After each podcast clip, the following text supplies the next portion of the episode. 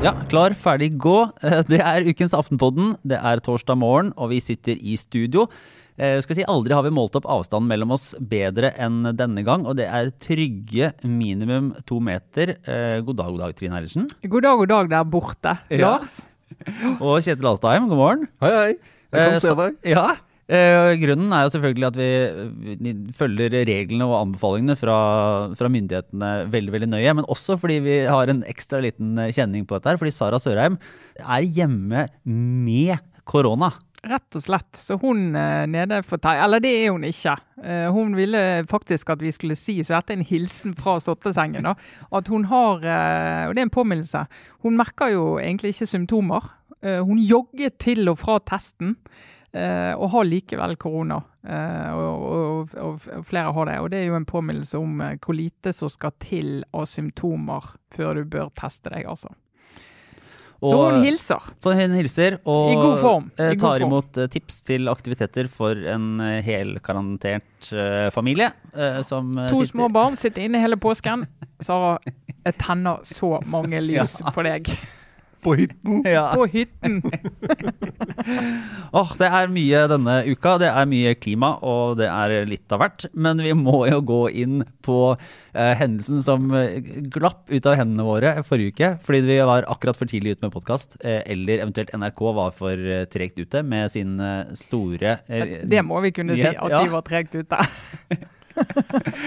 For det var jo da Erna Solbergs vinterferie på Geilo og sushiselskap og eh, restaurantbesøk og i det hele tatt. Nå sitter hun der som status mistenkt, Kjetil. Ja, hun gjør det. Og har vært i avhør. Jeg har vært i avhør. Jeg vet ikke om det er avsluttet ennå. Det var ikke sist vi fikk eh, Det er jo, det er jo fantastisk at Det- det er mist, altså det er, statsministeren og- er mistenkt. Og sier disse setningene. Ja, Erna Solberg har vært i avhør. Tenk, det trodde jeg aldri jeg skulle si i mitt liv. Det må jeg si. Jeg fikk en eh, e-post fra en, en leser i, i morges som sendte meg kopi av en uh, kvittering uh, på et kjøp eh, vedkommende hadde gjort uh, i en nettbokhandel. Som da var sendt som en gave til Solberg, komma på SMK. Og det er da boken 'Geitekillingen som kunne telle til ti'. Ah, ja, for det klarte jo da ikke helt Erna Solberg. Eller i hvert fall eh, ja, Det er vanskelig å Vi trenger ikke å gå gjennom alle liksom, de faktiske hendelsene og kronologien som sådan. Men eh, vi kan jo sende en, eh, en tanke til Bjørnar Skjæran, som fikk gjennomgå eh, bl.a. Eh, hos oss eh, noen timer før dette kom. Jeg antar at han pusta letta ut da det her ble kjent.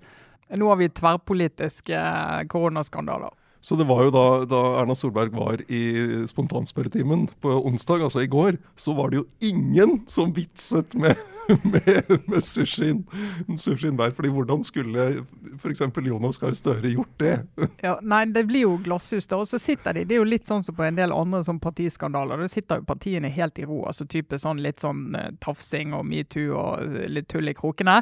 Og da merker du at partiene går ikke inn og mener hardt. altså De politiserer ikke det, for de vet at det er veldig sannsynlig at om tre kvarter så er det mitt hus som brenner. Så der er de forsiktige. Og her er det jo Altså, det har jo eh, fulgt en debatt som uh, i kjølvannet av dette, og, og videre, som går på liksom regler, uh, anbefalinger, hva som er Er det tydelig, er det utydelig? Og der sitter nok mange av oss toppolitikere og vet at at de potensielt på et eller annet tidspunkt kan ha eh, forbrutt seg mot en anbefaling eller en regel. Og jeg må si sånn si, personlig i mitt litt sånn uh, aggressive uh, koronahjerte, som sitter og, og er forbanna på de som reiser utenlands på sånne ferier og klager på, på hotellet når de kommer hjem og, og den biten der, så er det jo akkurat liksom de sånne småregeltingene er jo altså skal jo følges. Men det som jeg fortsatt ikke helt forstår, er den at du reiser på hytta og skal være sånn sammen med en 11-12-13-14 personer. For det er jo faktisk Det, det driver vi ikke med. Nei, det har vi ikke det. Nei, det, det, år. Ja, for, for det er jo noe med at uh, i, uh, blant oss vanlige folk, da, som vi jo må kunne kalle oss sammenlignet med statsministeren, så jeg vet ikke hvor mange sånne WhatsApp-grupper og Messenger-grupper, hvor mange meter med, uh, med samtaler der som handler om hva er reglene nå på akkurat det. Altså Folk virkelig prøver så hardt. Altså Vi diskuterte en sånn barnebursdag i november, om vi skulle ha en utebursdag for noen gutter på syv år en og en halv meter med sånn ja, henne, Hva har du lest, hva har du hørt? Og jeg liksom tenkte dette må jo jeg vite. og altså masse, og nå eh, samlinger rundt jul. 50-årsdagene kommer, 50-årsdagene går. Og veldig mange ender opp med Nei, vet du, jeg, jeg bare dropper det. Jeg bare dropper det. Liksom, Kan vi stikke opp til jubilanten og drikke champagne i hagen med litt avstand? Nei, vet du, vi dropper det for sikkerhets skyld. Mm. Der er jo veldig mange nå. Og det er jo rart, fordi Erna Solberg er jo, også, er jo en på en måte erkenerden på veldig mange sånne detaljer i politikk. Ikke sant? Det er sånn streng på det som har vært sånn Dette var regelen der, og sånn var det det ble sagt for ti år siden, og jeg var inne i den saken og har kontroll på alle detaljene. Så av og til så skinner det gjennom at det der bildet i Dagbladet av det liksom rotehuset med det, altså, det, var ingen, det var ikke en sånn der masterplan der de har satt opp Noen detaljer glipper. Ja, ikke sant? Bare det, det er. Ja, og det er, det er en, ting, en, ting, er regler og anbefalinger, og hva er det egentlig sier, og så prøve å ni, altså, luselese hva, hva, er, hva, er, akkurat innenfor her. Poenget, men poenget er jo også intensjonen. da. Mm. Nemlig det hun har prøvd å formidle, at møt færrest mulig. Ja. Uh, og det gjør du ikke når du drar samlefamilien på Geilo, selv om du setter dem på hvert sitt bord på restaurant og sånne ting. Det er, det er bare det, er det som er ja, det er det som er nesten altså. uforståelig. Og så er jo familien eh, til Erna Solberg er jo fra forskjellige byer. sant? De er jo fra verdens beste by, og så bor jo en gjeng her. Men du ser jo ettervirkningen av dette nå i, opp mot påske, der, eh, der Klassekampen har spurt statsrådene skal de, skal de reise på hytta, eller hva gjør de? Og der de kommer med litt sånn sprikende svar, for å si det sånn. Der øh, der Kjell Ingolf Ropstad da, sier han han planlegger Oslo-påske i tråd med anbefalingene om å unngå reise fra områder med høyt smittetrykk, mens helseminister Bent Høie skal på hytta! Og det er jo også innenfor regler og det de sier, bare man passer ja. på når man er, er, er der. Men det, det blitt, de har liksom skapt en sånn Nå er det litt sånn opp til det, men, men, så er det jo det er jo et eller annet med det for du skal jo vurdere individuelt. og Da kommer vi inn i denne hyttediskusjonen. òg. altså, det er jo forskjell på hvis du har hvis du har en eh, leilighet i et kompleks og går og handler eh, sammen med mange, og så går du og handler i butikken i kjelleren, og så liksom møter du folk rundt omkring, enn hvis du reiser på en hytte midt oppe av Hardangervidda der det er faktisk ingen. Du må gå tre kilometer for å komme til hytten. Du må ha med deg alt du eier. og så Det er liksom to vidt forskjellige situasjoner. da, Som da regjeringen har sagt at her må jo folk gjøre vurderinger som gjør at de sier hvis det er mulig for meg å ikke møte mennesker når jeg er der, da kan jeg dra. Men hvis jeg må møte mennesker, så bør jeg vurdere å ikke gjøre det. Så de, der, akkurat der legger de jo faktisk opp til personlig ansvar. Ja, det, og Det ligger jo i vurderingen fra Helsedirektoratet at de, de går inn og ser på altså, hvor langt kan de egentlig gå i å regelfeste og forskriftsfeste. Fordi du har f.eks. på det med reiser til og fra utlandet, så har du en grunnlovsbestemmelse om at du kan ikke eh, nekte norske statsborgere adgang til riket. Det, det, ligger der. Ja, det eh, og hvis du skal forskriftsfeste hva som er en nødvendig reise innenlands, så er jo det altså, Du kommer til å bruke noen måneder på det. Jeg tror korona er over før den forskriften er ferdig. Ja, og du så den, den saken som er blitt testet for retten, eh, var jo dette, disse svenske, altså de som eier hytte i Sverige. Der tapte jo staten i første instans. og Så får vi se hvordan det går med ankesaken. Men det er, det er noen begrensninger her i lovverket også. Mm. Hvordan, eh, helt kjapt, Trine, du som jo har blitt uh, trukket fram bl.a. Uh, av MDG-politiker Eivind Trædal som et eksempel i måte, jeg skal kalle det hytteadelen, da, uten at han har brukt akkurat det, det uttrykket. Og Snorre Valen, eh, politisk redaktør i Nidaros, har også liksom vært ute sånn Men hytten tar de ikke. Og blitt et slags ja, Hytten uten A når de skriver om, om de. Det, ja. det er litt så fascinerende. Jeg mener at du kan ta det personlig. Ja, jeg velger å ta det personlig. Ja. Det velger jeg å gjøre. Så, eh, sånn er det. Men uh, da kan jeg bare si til Snorre Wold at hans partileder Audun Lysbakken sier også 'hytten'. For det sier alle fra den kulturkrinsen der vi kommer fra. Det er ingen som sier 'hytta'. Uh, nei, det, det, er jo interessant, da, fordi at uh, det er jo et voldsomt sånn behov for Og det, den frustrasjonen skjønner jo jeg, og det har vi liksom sett i faser. at det der hvis du er veldig frustrert enten på egne vegne eller på andre vegne, så har du veldig sånn behov for å liksom se noen og si 'ja, men de', og så rette sinnet mot noen. da. Hvis ikke det er noen som eh, altså Vi er ikke invadert, så du kan ikke være sint på de. Du må liksom rette sinnet mot noen. Og så hvis du greier da å lage en sånn fiendebilde av at noen har det mye bedre enn andre, Uh, og det, det, er fordi at disse her, de sørger for seg sjøl og sine egne. Men da syns jeg det er interessant å se i den norske regjeringen, da, som er sånn i et hvilket som helst annet land. Sant? Det er liksom øverste eliten. Da har du jo samme spennet som alle andre steder. Du har folk som har hytte. Eh, ikke, du har folk som har ingenting. Du har folk som sitter i leilighet i Oslo, du har folk som har en gård. Du har liksom hele spennet der òg. Sånn at den variasjonen med hvem det er, det liksom går fra topp til bunn. Men man har det jo litt bedre enn andre når man har en hytte. Det er jo ingen tvil om. Altså, jeg, har jo, jeg, jo ikke, jeg hadde, vokste ikke opp med hytte. Jeg har vært hytteeier i syv år. Beste beslutningen jeg har tatt. For jeg har aldri hatt hytte. Og alltid tenkt gud så heldige de er, de som har hytte. Har kjent på misunnelse òg for de som har hytte. Ja, det har jeg gjort. Så det syns jeg jo er helt, helt naturlig. Det er jo mye bedre å ha hytte enn å ikke ha hytte. Bortsett fra at mange, en del som har hytte, tenker jeg vil ikke ha hytte, det er så mye styr. Nå har vi jo ikke de som er mest mot hytte eh, til stede i studio, eh, men eh, jeg kan jo, jeg kan jo bare, jeg kan jo Som du sa den rollen, Lars. ja, nei, nei, jeg vil egentlig bare, jeg vil bare gjøre en observasjon på at en del av de som har gått ut og lansert denne debatten, eller satt opp det litt sånn bildet, det er veldig få av dem som faktisk er uh, tøffe nok til å si at folk ikke skal få lov til å dra på hytta. Ja, men De legger jo bare inn et sånn uh, moralsk element oppå alle smittevernvurderinger. Og det, og det Ja, litt sånn eh, hytteskam i tillegg, så kommer vi ut av pandemien. Nei, jeg tror kanskje ikke det er, eh, er veien.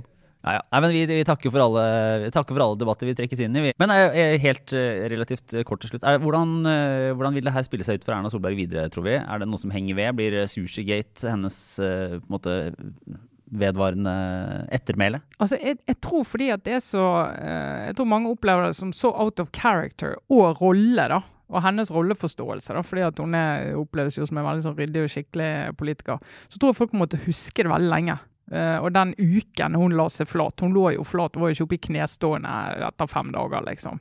Det var en forferdelig runde for henne. Jeg tror det brevet hun sendte ut til Høyre-politikerne, var veldig talende sant? når hun sender ut til sine egne. vet du, Jeg er så lei meg fordi at hun forstår at hun ødelegger for de, og for deres argumentasjon og retorikk når de har strenge tiltak lokalt.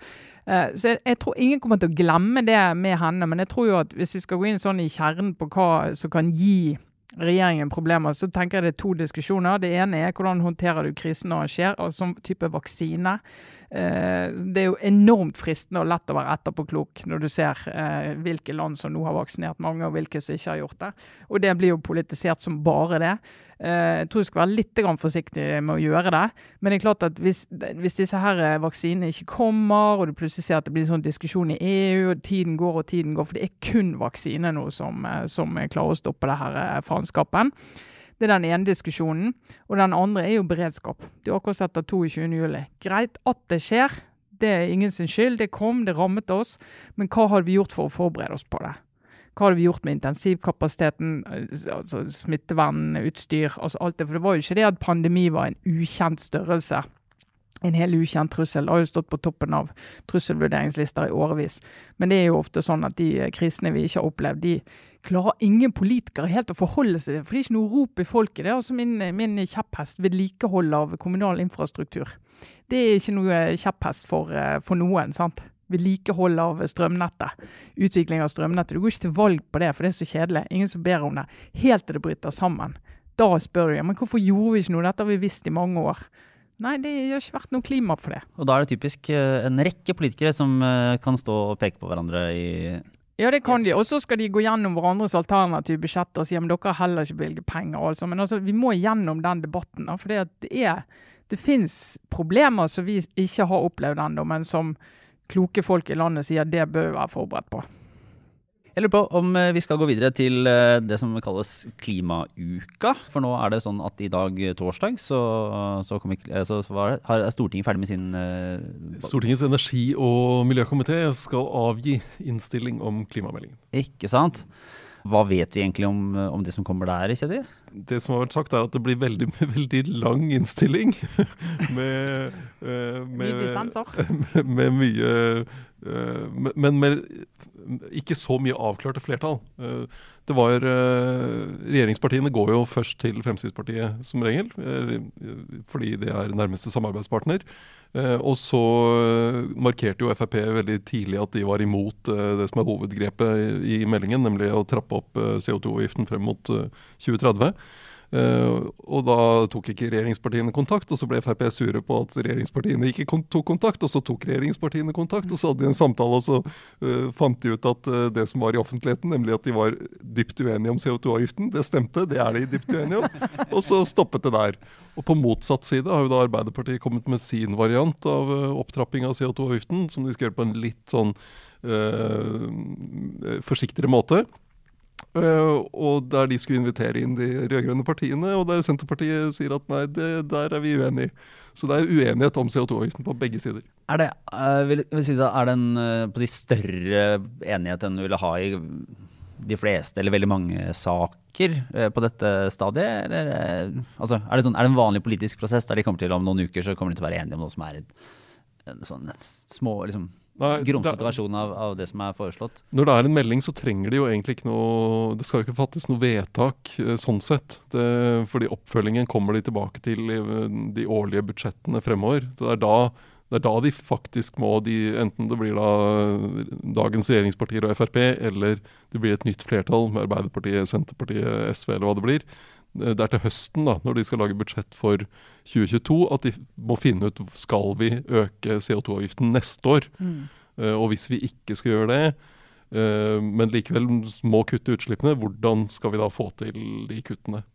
Men er det, jeg bare tenker så for de som eh, potensielle regjeringspartiene, er det nå et poeng for de å bruke denne meldingen til å markere primærstandpunkt? De begynner ikke å snakke seg sammen på det politikkområdet før valget, sånn at de skyver på en måte den, en til dels ganske heftig uenighet foran seg til eventuelle regjeringsforhandlinger. da. Det har jo vært en, eh, en, sånn avgiftskamp mellom Senterpartiet og Frp. altså Mens Frp satt i regjering og Siv Jensen var finansminister, så brukte jo Trygve Slagsvold Vedum masse tid på å angripe Frp for økte avgifter, og kalte Siv Jensen for avgiftsdronningen og sånne ting. Sånn at det for Senterpartiet nå å skulle gå med på noe som kan øke bensinprisen i form av økte avgifter, det, da vil jo bare Frp slå knallhardt tilbake. Så det er en sånn terrorbalanse mellom Frp og Senterpartiet som gjør at ingen av de to partiene kan egentlig flytte seg. Altså, har miljø- eller klimakampen litt sånn tøffere kår nå enn de har hatt på noen år? Alle saker har det under korona, tror jeg. Så har alle saker det med å bryte gjennom lydmuren som politisk sak, da. Det er jo vanskeligere nå. Men til høsten altså hvis vi, vi må jo se lys på det. Og hvis vi da ser at eh, OK, vaksine alt i orden. Fra august så er vi i normal drift. Da er det da valgkampen starter for alvor. Da må vi jo regne med at uh, dette og andre saker blir mer uh, Altså det er stortingsvalg. Ja, ja og, og det, det, er jeg veldig spent på, egentlig, hvordan stemningen blir inn i valgkampen og opp i, i valget. fordi er det da sånn at uh, Yes, nå er vi ferdig med pandemi. Nå tar vi en annen stor global krise, nemlig klima. Eller er det sånn at vi tenker yes, nå er vi ferdig med pandemi. Nå er det fest!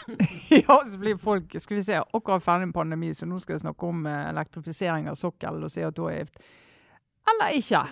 eller for da er det jo lettere å snakke om altså vi, MDG har jo landsmøtet sitt også nå uh, i helgen. og da er det, det er på en måte lettere da debatten om, ta debatten om kjøttforbruket uh, enn å ta nettopp sånn elektrifisering av sokkelen. da.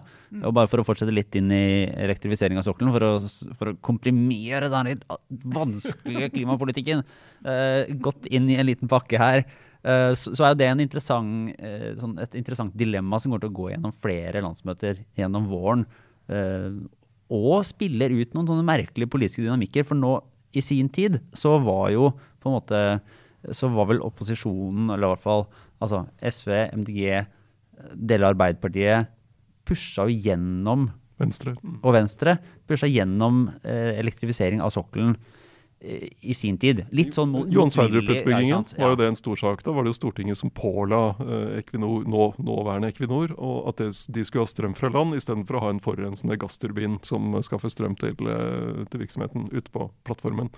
Eh, og Equinor slepte jo bena etter seg. Nå bruker Equinor det for alt det er verdt, fordi utslippene da per produsert fat med olje er så ekstremt lave på Johan Sverdrup. og det bruker de som et sånn Dette viser hvor eh, ren og pen norsk eh, oljeproduksjon er. Ja, og da, da får du jo Du får jo da kuttet innenlandske utslipp. Ja. Sant? Du får kuttet det på et sånn heftig utslippspunkt.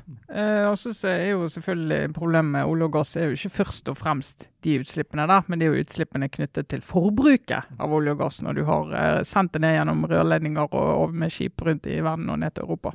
Men hvis du insisterer på at vi skal ta kuttene innenlands, og MDG vil jo det, 80% i 2030, da må du enten stanse virksomhet på sokkelen, eller du må elektrifisere. Ellers så får du ikke gjort det. Men, men hvis du tenker på Paris-målene, Norges forpliktelser, så trenger du ikke elektrifisere på sokkelen, fordi hele oljevirksomheten og det meste av industrien er en del av EUs eh, kvotesystem.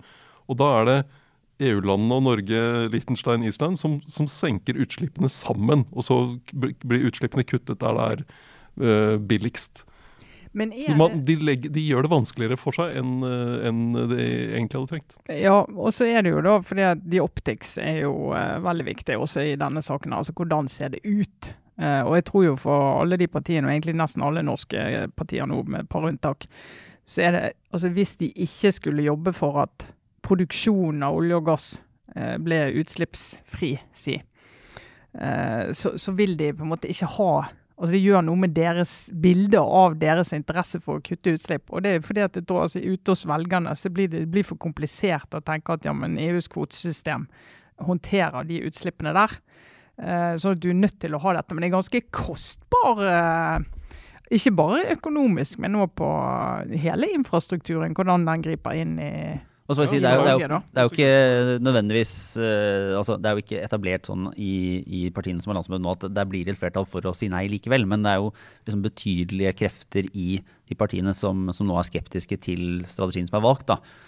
Ja, og det er jo fordi at altså, Når du snakker om elektrifisering av Norge, det er jo ikke bare de som skal elektrifiseres. altså Hele kjøretøyparken skal jo elektrifiseres. Alt vi driver med skal jo elektrifiseres. Så det er jo ikke det at det er liksom mengder av elektrisitet så du ikke helt vet hva du skal gjøre med, så du kan liksom sende det ut i Nordsjøen i noen kabler over fjell og fjord og under havet. Eh, Det, det er jo konkurranse om, om den energiformen. Da. Sånn at du, nå tror jo en del ser at den begynner å nærme seg realitet. Og hvordan skal vi hvordan skal vi liksom fordele denne ressursen mellom forskjellige typer næringer? da? Mm. Og, da, og så har du altså, det, du det du også ser, er at eh, det kvotesystemet og CO2-prisen begynner nå å virke, sånn at det gjør det attraktivt, mer attraktivt da, for oljeselskapene å faktisk elektrifisere, mens de, de før måtte dyttes til å gjøre det. Eh, Men så kommer Stortinget da i fjor og øker ambisjonen ytterligere, altså utover det bransjen selv, eh, selv har eh, sagt. Sånn at du Um, sånn at Stortingsflertallet, inkludert Fremskrittspartiet, som nå angriper elektrifisering eh, knallhardt, de var med på i juni i fjor å skjerpe liksom, ambisjonen for hvor mye som skal kuttes på sokkelen. Og Skal de oppfylle det, som Frp stemte for i fjor, så må de elektrifisere.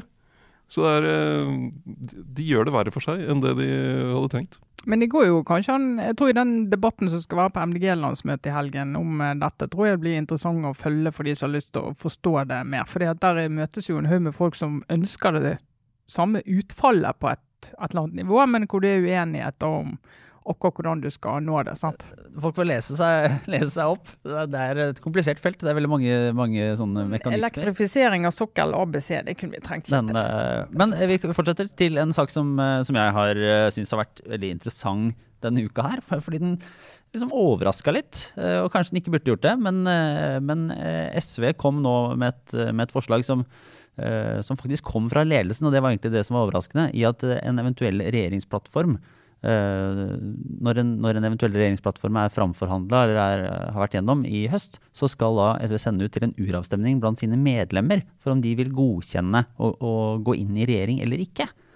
Altså Grunnen til at det er overraskende, er jo at det er relativt sjelden at et parti overlater såpass mye makt potensielt til eh, medlemmene sine. Ja. For dette er jo noe som eh, Det er sånne spørsmål som ledelsen ofte liker å, å, å håndtere sjøl, eller å kunne ha liksom større kontroll på. Men, eh, men her Hvor, hvor bindende har de egentlig sagt at dette skal være? Nei, altså Det har de jo vært litt, litt åpne på, men poenget er at de skal uh, ha dette som en sak på landsmøtet. Og der skal man gå inn for om i, i det store, om det skal være sånn at uh, medlemmene skal, uh, skal godkjenne en regjeringsplattform. Og så skal, hvis, hvis landsmøtet går inn for det, så skal saken sendes til landsstyret, og så skal man se litt på, på hvordan det kan gjennomføres, og eventuelt sånne krav på hvor lenge de som Altså hvem som har stemmerett, f.eks. Sånn at ikke du antar skal få eh, en haug med tilfeldige politiske motstandere som melder seg inn i dagene før, eller, eller eh, annen sånn trøbbel og, og sier nei, men at det er en viss sånn forutsigbarhet i det.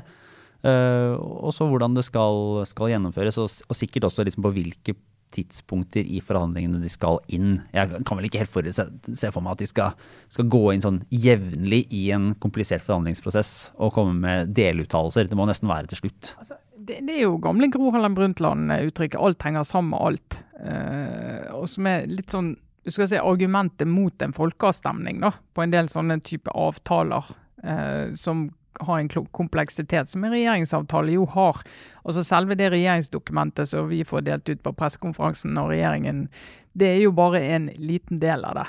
Eh, bak det så ligger det jo helt enormt mye sånn feeling på at ja, nå flytter vi oss fem centimeter i den retningen fordi at dere flyttet dere to centimeter der. Sånn at med en gang du begynner å nappe i et av de punktene, så rakner liksom byggverket litt. da. Eh, Sånn at man, Når du skal være sånn, argumentere mot folkeavstemninger, veldig komplekse avtaler, så er det litt sånn Ikke at folk er dumme, for det handler ikke om det. Det handler liksom om hvem som har, eh, er godt innsatt i saken, som har det som jobb å være innsatt i saken, som skal kunne hele og så si for SV eller i en EU-kamp eller hva det måtte være, så kan virkelig hele grunnlaget for mandatet inn.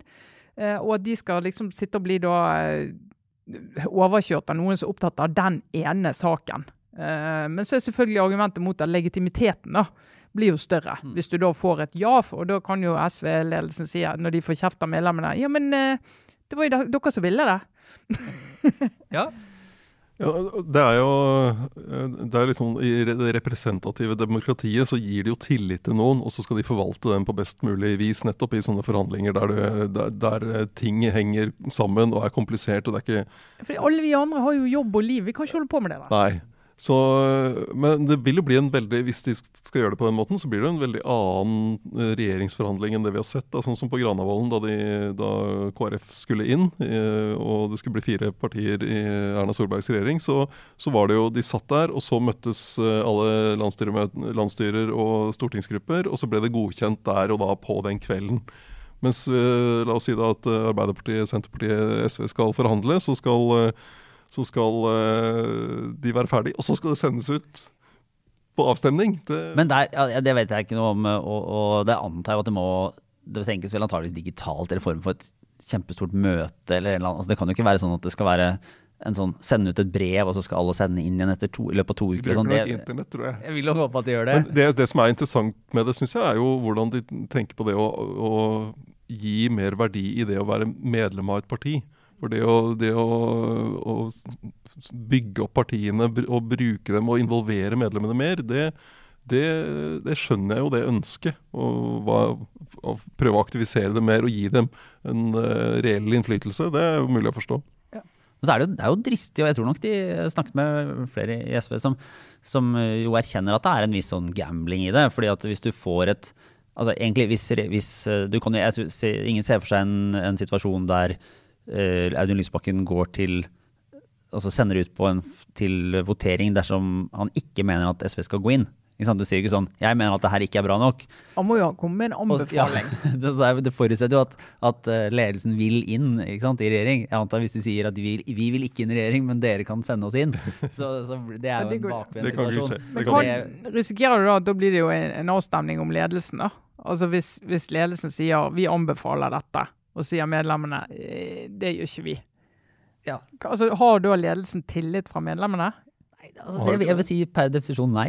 Men, og, og spørsmålet er jo om det er en slags sånn eh, David Cameron-brexit-situasjon, der, der ledelsen er, eh, har for stor selvtillit og tror at, at uh, hvis vi bare lar, uh, si, lar alle få si hva de mener, så vil vi få et mandat, og så vil det gå bra.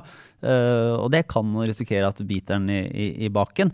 Og det er jo interessant også hvis du får en situasjon som er sånn 70-30, så har det jo synliggjort helt sånn Ja, men det var jo 30% Det er en stor andel av medlemmene som ikke ville ha dette her. Og da har du jo på en måte etablert en, en splittelse allerede inn i prosjektet, som, som er der helt fra start. Ja, og så har jo en del av kritikerne fått den plattformen de trenger for å si at ja, som vi sa da dette ble sendt ut på uh, urastemning, vi er imot, vi er imot. og altså, De driver og kjefter og pisker ledelsen. og Det var jo en av svakhetene til SV i regjering forrige gang. at de de var, litt, de var, veldig selvpiskende. da. Det var ikke så mye samling i bånd på at nå må vi bare få gjennomført så mye som mulig. Men så brukte, det var jo ikke så veldig samlende den prosessen KrF hadde før de gikk inn i regjering. Må vi si det sånn? Ja. Nei, det er morsomt, det er morsomt hva du tenker. Jeg, jeg, jeg, jeg merker at liksom, prinsipielt så er jo positivt at uh, Altså, Jeg elsker jo når, når, politiske partier prøver å gjøre ting som engasjerer medlemmene. Da, fordi at det, det, det, er veldig farlig hvis folk ikke er engasjert i politikk og ikke har lyst til å være medlem av partier og ikke har lyst til å være med og påvirke. da. Så sånn eh, prinsipielt spesielt at de prøver å tenke det, det syns jeg er spennende. Nå ser du jo hvordan de bruker det en del i nominasjonsprosesser, med sånne rådgivende avstemninger i, i partilaget opp og inn for, som innspill til uh, nominasjonskomiteer og sånne ting. Det tenker jeg er positivt. Ja, og I Oslo SV så hadde de jo en faktisk altså De har jo hatt uh, en tradisjon for, uh, for liksom, nominasjonskamper der alle, alle medlemmer i Oslo-laget har kommet til et fysisk rom, og så har de hatt en avstemning, og ofte med stort engasjement og mobilisering og sånne ting. og Pga. korona så hadde jo Oslo SV en tilsvarende nominasjonskamp i vinter, blir det vel, hvis ikke det er helt feil, eh, som var digital. Og da fikk du mange flere med, og i teorien så kan du ha med alle medlemmene. Og sånn sett får du. Eh, argumentet som var brukt fra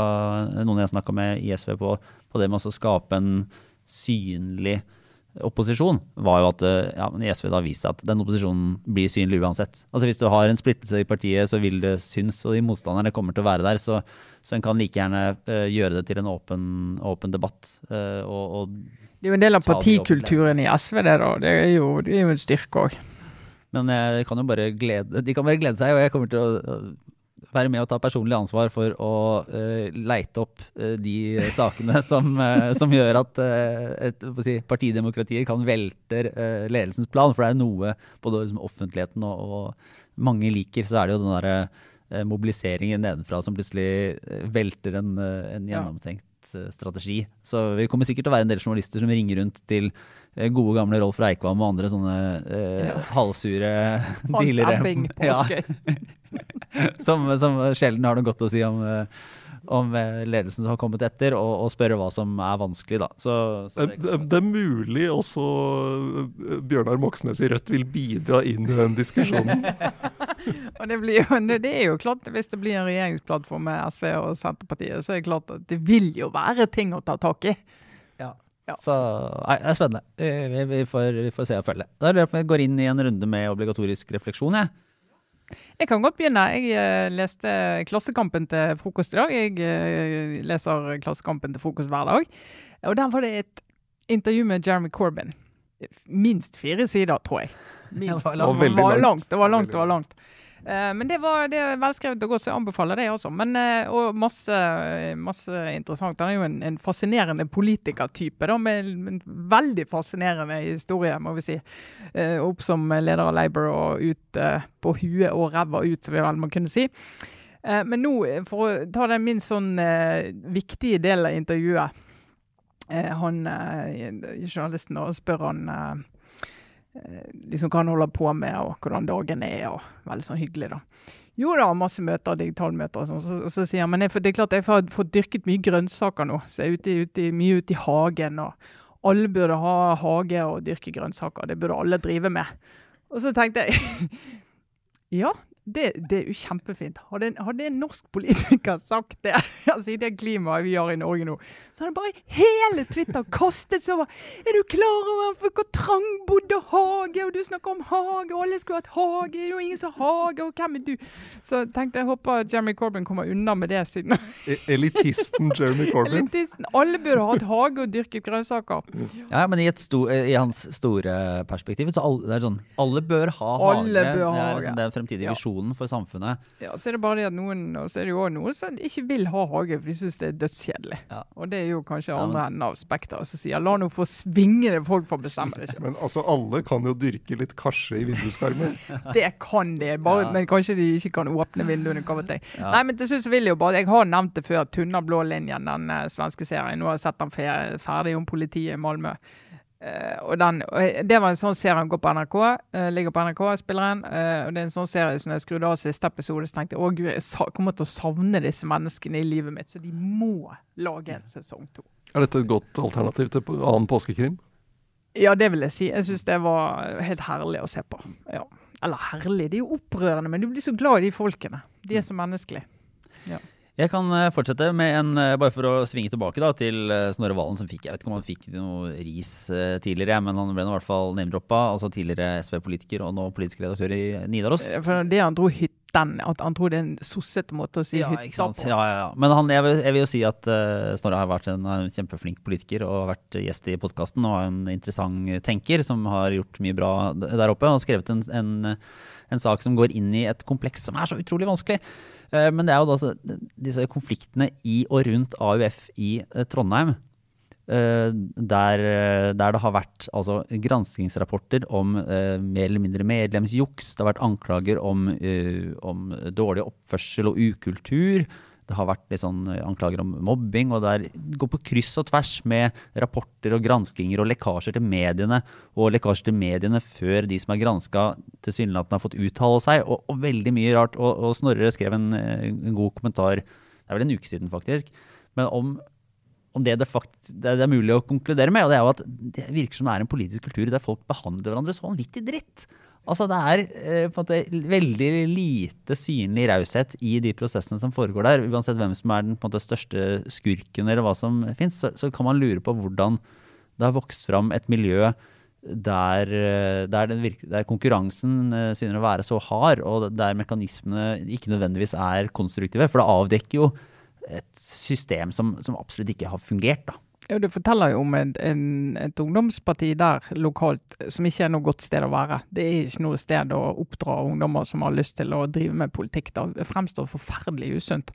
Eh, men det gjør for så vidt hele den delen av Arbeiderpartiet i Trøndelag. Da, for det virker jo ikke som om liksom, eh, koblingen med voksen-Ap heller er av det, av det, aller sunneste slaget, da, på noe som helst vis. Eh, men det er jo eh, Altså Frp de la jo ned Oslo Frp og Bergen Frp. Tenkte det her er det så ille at vi må bare restarte. Det, det, er som når, hvis du ringer helpdesk eller IT. ikke sant? Du du, får, du, du, du, må dra ut kontakten og så vente fem minutter. Og på nytt, og så får du bare begynne på nytt. Så jeg, eh, det tror egentlig det er løsningen. Bare legg det ned, og så får alle begynne på nytt. Ja. Bare eh, lykke til å sitte Jonas Gahr Støre og, og tenke seg inn i vel fortjent påskeferie. og, og Lurer på hvordan det går. Og så bare ja, neste prosjekt. Nå skal jeg legge ned Trondheim Arbeiderparti. Men det er jo interessant, noe av det som, som kommer fram, da, er jo uh, noen mekanismer som handler om sånn ren, både formelle regler og organisasjonskultur. Der eh, AUF har hatt innflytelse i ulike organer, uh, etter det jeg forstår, direkte basert på medlemstall. noe som har gjort at de har fått De har på en måte kunnet tjene på å ha mange medlemmer og få mye innflytelse. Og så er det andre da, som har måte, kunnet eh, spille på lag eller være med, og de blir en maktfaktor. Eh, samtidig som det, da, det er en dynamikk som, eh, som opprettholder et, et, et, system der de har drevet og verva medlemmer som får veldig lite penger. Ti kroners medlemskap? Ikke har visst at de har blitt medlemmer. Altså, det, har, det har jo du kunne liksom trykke deg makt da, inn i partiet. Og Det har jo vært veldig irritasjon i de andre ungdomspartiene over måten AUF har drevet med medlemsverving der. Eh, og de tikronersmedlemskapene har veldig lav pris, og så i hvert fall kommer det frem med disse rapportene da, at når de skal For det har ikke vært lov å ha disse billige medlemmene inne på listene. Så da har liksom folk i AUF-ledelsen har oppe sagt ja, nå må vi ha litt kronerulling her, så vi kan få betalt den egentlige kontingenten. Men så er det jo interessant å se på voksen-Ap, som har eh, brukt uh, AUF på den måten, som har fått ja, uforholdsmessig god representasjon, fordi de har egentlig manipulert medlemslistene. Sant? Og har fått flere inn i styre og stell enn de ellers ville hatt. Så voksen-Ap er jo veldig positive til AUF når de er med og støtter deres saker. Men når de da ikke er med å støtte deres saker, så vil de gjerne røske opp i dette her og få endret på det. Men det er jo hele systemet, og der har jo Snorre Valen helt rett. Det er jo hele kulturen i det, den delen av partiet som fremstår jo som fullstendig De må brenne ned og begynne på nytt, altså. Saker om AUFs vervemetoder er jo ikke helt nytt, kan jeg si det Nei, sånn. det er for ikke helt det var da jeg var i ansatt i Aftenposten forrige gang. da snakker vi 1995-1996, så var jo den store medlemsskandalen om AUF der bl.a. det ble avdekket at en ilder i Drammen var medlem. Det ble, ble en stor granskingssak, og de som nå er voksne i Arbeiderpartiet, var jo noen av de som den gang eh, hadde bakgrunn i AUF. Så det, det, er, eh, det, er jo, det har jo vært flere saker om, eh, som ikke bare handler om Trondheim eller Trøndelag AUF, om uh, vervemetodene. Så jeg kan jo egentlig anbefale både, både fortsett med Nidaros, men også Adresseavisen, som har gode saker på det her, da, og, og se på, på det dilemmaet. Det er det er for, for mange anklager til at en sånn presseetisk kan ta en uh, det. Nei, løs debatt på, på, på, det som skjer og det som kommer å bli påstått. Men, uh, men, det anbefales å følge det, for det er et virkelig politisk drama uh, som, som, utspiller seg. Og jeg tror det hadde, Hvis det hadde skjedd i Oslo, så tror jeg det hadde fått mye større oppmerksomhet. Mm. Selv om Trøndelag jo er et, en maktfaktor i Arbeiderpartiet. Så, så, det er jo kjempeviktig. Ja, det, Bastion i Ap. Så Uff, ja. Det er ganske, og, og, ganske alvorlige ting. Så det er, en, ja, det er et virkelighetens politisk drama der. Åssen er det med deg, Kjetil? Nei, eh, siden du anbefaler å følge eh, politisk drama i Arbeiderpartiet i Midt-Norge, så kan jeg anbefale å følge politisk drama i det franske sosialistpartiet i Nord-Frankrike, og inn i da presidentpalasset og sånt på HBO. Uh, serien Baron Noir, uh, som er blitt omtalt som Frankrikes svar på House of Cards. Uh, vil, ja, som, er, som, er, der du følger denne politikeren Philippe Ricvert i Dunkerque i nord i Frankrike. Som altså er en, på venstresiden i Sosialistpartiet. Og som er en rå politisk spiller, for å si det forsiktig. og hvordan han bruker fagforeninger og ungdomspolitikere for å, og sin egen bror og forskjellig for å nå sine politiske mål. Eh, jeg, har, i hvert fall stor, jeg har sett første sesongen nå. Det er eh, tre sesonger ute. Så det er en eh, Er det drama eller humor? Det er, eh, det er, morsomme ting i den, men det er et politisk drama. Det drama ja. Mm. Mm, så det er ikke Det er ikke, det, er ikke eller, nei. nei, nei. Mm. Og så tenker jeg Det er litt mer politisk innhold enn House of Cards. Der var det bare maktspill. Her er det, her saker, liksom. Ja, og så er det litt morsomt at det da kommer inn plutselig EU-politikk eh, e i dette her. Eh, der de, eh, det franske budsjettunderskuddet, og de skal få en straff fra Brussel, og så blir det en stor del av dramaet. Så de som etterlyser ja. mer EU i Aftenpodden, vær så god, dere kan ja. se på Baron Noir. Og hvis noen lurer på nerdefaktoren i Aftenpodden, så også, legg merke til formuleringen. Det er veldig morsomt, for det kommer inn EU-politikk. hvis jeg er virkelig heldig i sesong fire, så kommer det inn en klimakvote og en CO2-avgift rekende på ja ja, nei, men det, eh, det var Litt det for elektrifisering på slutten. Ja, ikke sant. Det var det for denne gang. Nå tar vi vel kanskje en ukes påskeferie, heter det. Uh, og vi ønsker Sara god bedring, eller hva skal jeg si, fortsatt symptomfri rekonvalesens. Så, så, er vi snart tilbake etter det med nye episoder av Aftenpodden. Uh, det var oss for denne gang. Ha det bra og god påske.